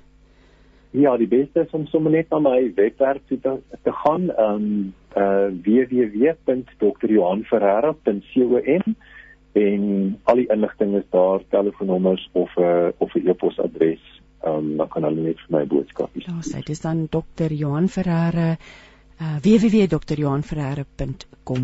Baie dankie vir jou tyd Johan en ja, sterkte en seën ook vir jou op hierdie koue lente dag. Baie dankie en sterkte vir al die lot daar buite wat swaar kry. Ag, geen. Kom ons luister nou na Melanie Vosloo wat vir ons gaan voorlees. Jy het juis krag in jou swakheid. Paulus het 'n struikelblok gehad waaroor hy lank met die Vader gestoei het. 3 keer het hy hom gevra om hierdie doring uit sy vlees te haal met die woorde: Laat my swaar kry en lyding asseblief tog ophou. Dan hoor ons hoe God nie die doring uithaal nie. Maar Paulus Paulus verseker dat hy aan hom sal gee wat hy nodig het om dit te hanteer. Dis toe wat Paulus besef dat God se genade nie noodwendig ons omstandighede verander nie, maar dat die Gees ons verander. Dat hy meer word wanneer ons minder word en troos bied juis wanneer ons swak is. Dat hy ons dra wanneer ons self nie die pad kan stap nie. Dalk het jy ook al vele kere oor iets gebid. Gesmeek om 'n uitkoms, antwoorde, genesing. Maar beleef dat jy niks hoor nie. Dat dinge eintlik net slegter gaan. Onthou maar net weer vandag. Sy genade is ook vir jou meer as genoeg om elke tree van jou pad te loop. Sit maar net weer jou hand in die hand van die lewende en almagtige God wat op maniere werk wat ons nooit sal verstaan nie, maar wat altyd iewers lig bring. Onthou die woorde van 2 Korintiërs 12 vers 9. My genade is genoeg vir jou want my krag kom juis in swakheid tot volle werking. Genade is om soms juis swak te wees sodat sy krag deur ons kan werk. Sodat die onverwagse en onvoorsiene ons op 'n dieper vlak kan verras. Mag jy vandag sy genade in oorvloed beleef. Kom word daders van die woord saam met 657 Radio Kansel en 729 Kaapse Kansel klanke van die lewe. Ons het nou verwys na lentedag en seisonale depressie en ek wil sommer 'n kort stukkie voorlees wat Lizet Marie geskryf het en ek glo baie van ons uh, kan hiermee identifiseer en sy skryf oor oor oor lentedag en sy sê in my rykie vol kinderherinneringe staan die opwinding oor die koms van die lente vandag nog helder uit. Diep winter reeds het ons die sang in die in die sangklasse aan dis heerlike lente begin oefen. Ook aan dansies en opvoerings vir ons lentefees op 1 September. In die kunsklas het ons stringe bloeisels van wit en pink sneespapier gemaak en by die huis het ek my wit lenterok uit die kas gehaal en aangepas. Te knap. Elke jaar moes my ma 'n slim plan maak of 'n val onder aan die soem of die nate verstel en as bonus 'n pink rosie opgewerk. Die middag voor lentedag vleg ons blomkransies en die opgewondenheid ken geen perke nie. En dan breek lentedag aan. Dit reën daardie grys uitsak reentjie wat heeldag lank in vlae kom. Ons staan bedremmeld in ons wit sokkies en bewe van die koue en ons blomkransie skeef en ons lentelied gedemp sonder feesvreugde nie. Feesvreugde en dan sê Lizet, en hoe gebeur dit nie dat die lewe dikwels ons fyn beplanne, fyn bedagte planne omvergooi nie? En die antwoord hierop natuurlik is Romeine 3 vers 5 wat ons vir onsself kan toeëien vandag en ons sê ons verheug ons ook in ons swaar kry want ons weet swaar kry kweek volharding. En volharding kweek egtheid van geloof. En egtheid van geloof kweek hoop. En die hoop is skaam nie want God het sy liefde in ons hart uitgestort deur die Heilige Gees wat hy aan ons gegee het. Ons bly altyd hoopvol. Al is dit 'n koue, reënerige lentedag, ons weet die somer gaan kom. Seën vir jou, mag die Here met jou wees, mag dit met jou goed gaan, mag jy sy teenwoordigheid ervaar tot ons volgende week weer gesels en saamkuier hier op met hart en siel. Totsiens.